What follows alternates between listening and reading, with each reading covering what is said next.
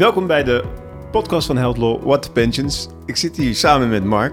Ja, Teun. We zijn er weer. We Ja, zijn terug. mijn zeer gewaardeerde Mark. Ja, dankjewel man. Lekker zo'n intro. Ga ik goed op.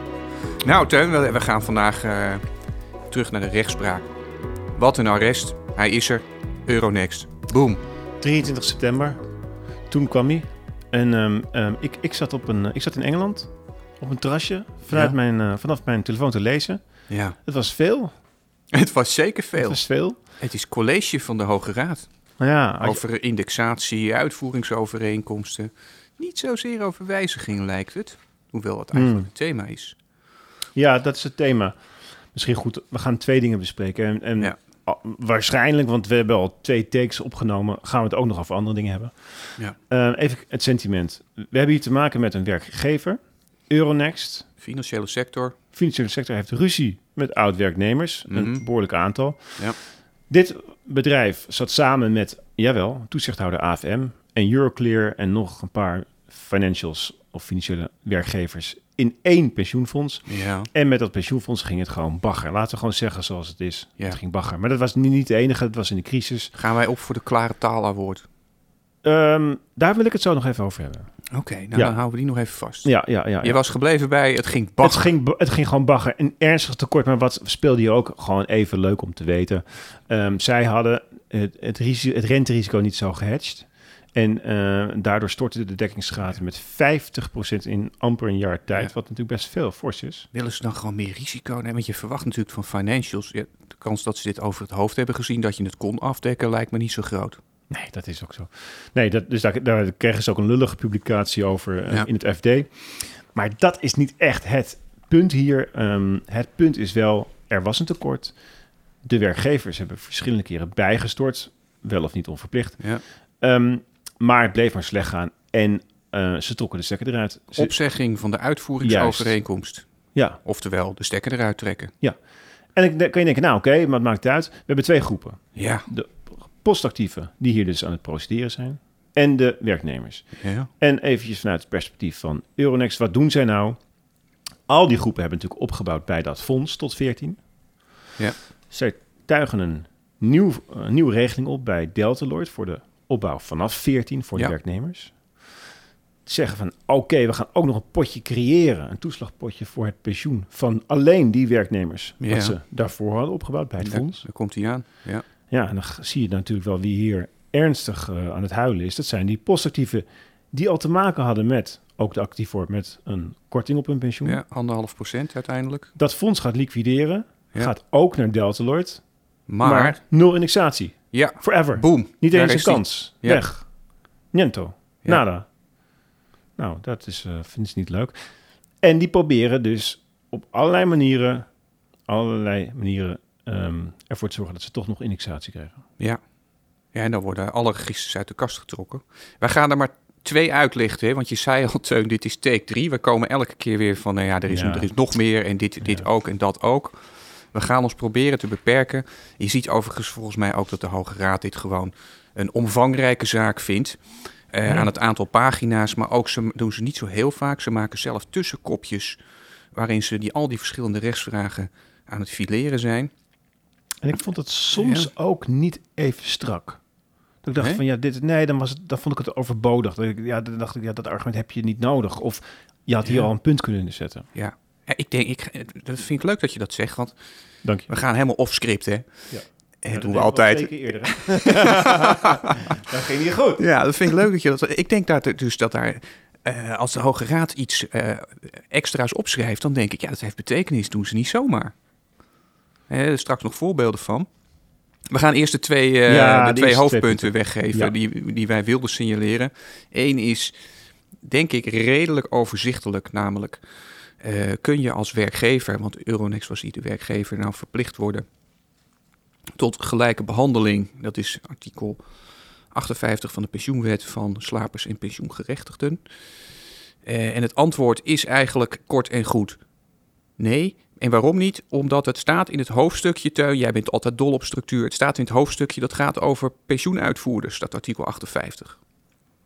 En, en onze, Ja. onze gedachte was, dat is interessant, want betekent dat dan dat voor al die andere bepalingen ook geldt. Het staat in het hoofdstukje over uitvoerders. Dus dan geldt het niet voor werkgevers. Ik noem er eentje. De consistentie-eis, artikel 95 voor de liefhebber. Geldt die dan wel? Hè? De, de consistentie-eis betekent dat je voorwaardelijke indexatie eigenlijk voldoende funding moet hebben om dat op een bepaalde termijn waar te kunnen maken. mhm, Geldt die dan voor uitvoerders en niet voor werkgevers? mhm. En het tweede punt, Mag ik nog eventjes hier op Ja, dit tuurlijk. punt? Want kijk, dat de hele verhaal voor artikel 58 is een moeilijk te volgen verhaal. zeker, Ja, drink een paar koppen koffie. Of wat En, sterker. maar daar gaan, zeggen wij nu heel weinig over. Ja. En dan kom jij dus met eh, dit punt Ja. van de plek van een artikel in de pensioenwet is relevant of, of, dat, of Ja. die norm dan wel of niet Nou, het leuke is, ik kom er niet eens mee. Wat Doet de? Hoge Raad gewoon. Ja, maar ik, ik vind het ook echt een goed, ik, ik vind het ook een goede, goede inzicht van je. Ja, dus- Dankjewel, man. ja, dus rekenen, kunnen we we rekenen straks af. wat, bijvoorbeeld over artikel 23, hè? Ja, de onderbrengingsplicht. ja. Daar heb je dus een... ehm, We, gaan nu de switch maken naar het tweede punt, denk ik, hè? Of niet? Ja, we gaan het nu... nu dat, dat, zo zou je dat kunnen zien. Ik probeer dat iets minder te benoemen. zo zou je dat kunnen noemen. Ja, jij bent van de structuur, man. Nee, maar daar kan je dus ook ehm, bijvoorbeeld de vraag van... ehm, die, de onderbrengingsplicht, op wie rust dat? Hè? Nou, volgens mij is dat best wel duidelijk dat dat de werkgever is. Mhm. Maar daar heb je ook wel uitspraken over die dat, die dat zeggen. Hier speelt die wettelijke onderbrengingsplicht ook een rol. Groot. Ja, want ehm, ja, wij, wij, wij, vinden één ding interessant. Hè? Dat, is, dat is dat de Hoge Raad hier zegt... na het einde van het verwerven van pensioen... dus na het einde van je dienstverband...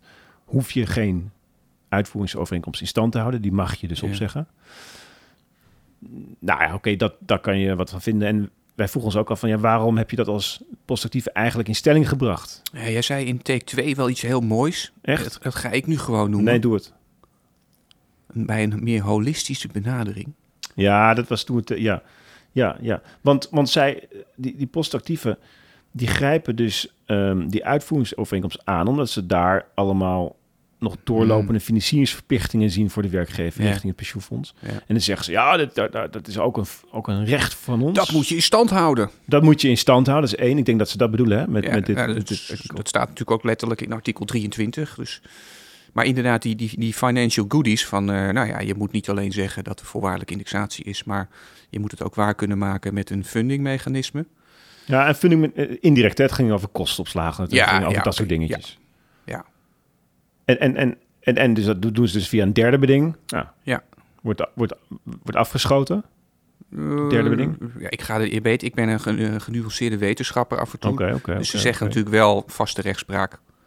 Ja, op zich, als je de pensioenovereenkomst aanvaardt, dan heb je een derde beding. Maar, en dat vond ik wel heel nieuw, Teun. eh, eigenlijk zit ik al tien jaar plus te wachten op... is die derde beding uitleg, de, de rijkwijde daarvan... nu alleen beperkt tot de uitkering? Mhm. Of ook al die andere goodies, zoals nou, wat jij noemde, die kostenopslagen. Ja. Nou, daar is de Hoge Raad wel duidelijk over. Ja, dat is, heeft, eh, heeft de Hoge Raad van de AG overgenomen. Dat Ja. ben ik het mee Ja. eens. Dat, dat, dat, die zegt, ja, dat is een derde beding. Maar jouw, jouw positie is alleen maar dat je onder die... of op basis van die uitvoeringsovereenkomst... Mhm. pensioen kan, pensioengeld kan Ja, vorderen. de, de uitkering. Ja. Zei, zei je dat was eigenlijk precies hetzelfde wat jij ook zegt. Eh, jij gebruikt altijd veel mooiere woorden. Vind, vind ik mooi. Ah, ja, oké. Hey, ehm, maar Maar, mag, dus mag ik nog terug naar die holistische? Of? Ja, ga. Ja. Eh, want dat was ook onze, onze nabespreking naar take 2. Eh, was van ja, als je nou gewoon kijkt van wat, wat zouden die mensen nou willen? Ja, die zijn natuurlijk op zoek naar allemaal juridische instrumenten om het doel te bereiken. Maar het vertrekpunt is, als slaper denk ik, je ziet dat die andere groep wel indexatie heeft. Die hadden een voorwaardelijke indexatie. Mhm. En jij niet meer. Eh, en is je basisgedachte toch, nou, ik had een pensioenovereenkomst waar voorwaardelijke indexatie in stond. Mhm. En die is er nu niet meer. Wat mij Ja. bezighoudt is, eh, Ja. is dat dan geen wijziging van de pensioenovereenkomst? Waarom, waarom lezen we dat eigenlijk niet heel Ja. expliciet terug? Of, ja, het, het, het, het, het is een andere kant van dezelfde medaille. Mhm. Hebben ze, heeft de werkgever hier niet haar onderbrengingsplicht geschonden? Eh, Misschien is Ja, die pensioenovereenkomst ja, wel helemaal ja. niet gewijzigd, toch? Maar, maar, Ja, maar hebben ja ze... dan, moet je, dan moet je echt al die stukken eigenlijk, We weten het eh, niet. dat kunnen we niet zien. Nee. Nee, en b- dus ja, het, het, het zegt natuurlijk wel iets dat er helemaal niet op die manier over wordt gesproken, misschien. Het tweede, het, Denk, andere... denk jij dat er beslist is op dit punt? Nee, Nee, hè? nee, dat denk ik niet. Ehm, de kantonrecht in Amsterdam, die leek daar meer over te hebben. Maar dat Mhm. is, met het Hof is dat, ehm, ik weet niet, het Er is is... een andere, andere route ingeslagen. Ja. Ja. Hey, het andere ding is dat de Hoge Raad zegt, ehm, ook vanuit het holistische, ja, weet je, er zijn drie hoeken in die meerpartijenverhouding. Ja. Maar de ene zijde, hoeken, wat zeg ik nou man? Er zijn drie zijden. Hm. En de ene is niet logischerwijs daardoor gelijk aan de andere.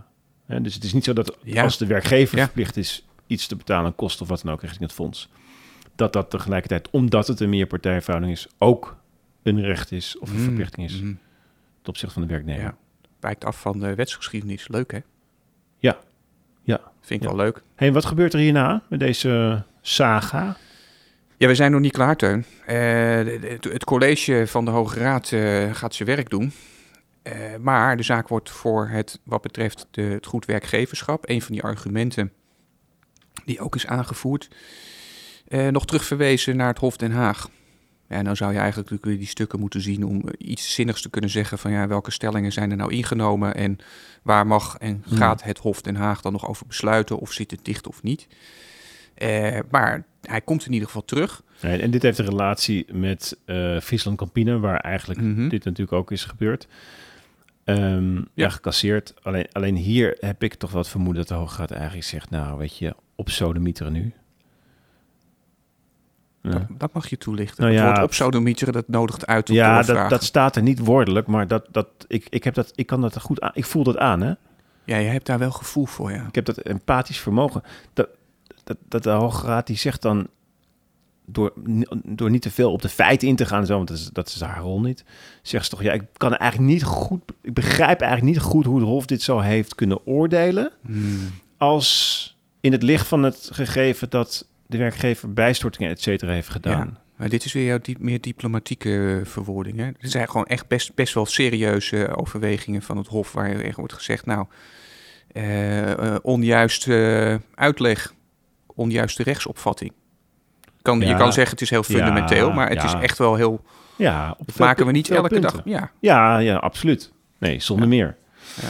Zijn we daar nou blij mee eh, voor de, voor de ontwikkeling van het, Ja. van het recht? Ja, ik vind het goed? Ja, ja. Ja? ja, ik vind het goed. Ik, ik, ik, ben, ben het niet met, met, met die onderbrengingsplicht en of je nou wel of niet een pensioen, eh, een uitvoeringsovereenkomst in stand moet houden, vind ik het, kan je het volgens mij nog genuanceerder verwoorden. Maar ehm, Ja. ik sta er wachten hoor. Ja, ik, ik vind het jammer dat dus die, die, die, die vraag die eh, mij bezighoudt, in ieder geval, eh, namelijk die wijziging van de pensioenovereenkomst. Is die, moet je dat nou wel of niet doen als je zo'n liquidatie hebt? Die is volgens mij nog niet beantwoord. Dus daar moeten we, Ja, want, dat mag ook even terugkomen. want wat, wat volgens mij, wat jij, wat, het idee daarachter is, je hebt opgezegd als Ja. werkgever. Ja. En eigenlijk is er direct gevolg ontbinding, liquidatie, buy-out bij een verzekeraar, nul indexatie. Dat is eigenlijk één op één staat het in een relatie tot elkaar. En ben je dan eigenlijk, kan je dan zo wegkomen? Kan je op die manier eigenlijk je pensioenovereenkomst wijzigen? Ja, dat is een hele fundamentele vraag. Eh, en die, die, die, die zingt al jaar, maar die blijft dus rondzingen. Dus of de wetgever moet eh, duidelijkheid bieden, of, of dat moet nog een keer apart worden uitgeprocedeerd. Yummy. Hey, ik vond het super interessant. Dankjewel voor je tijd, Mark. Dankjewel, Teun. Zullen we deze take gewoon laten staan? Ja, laten we het doen. Lekker man.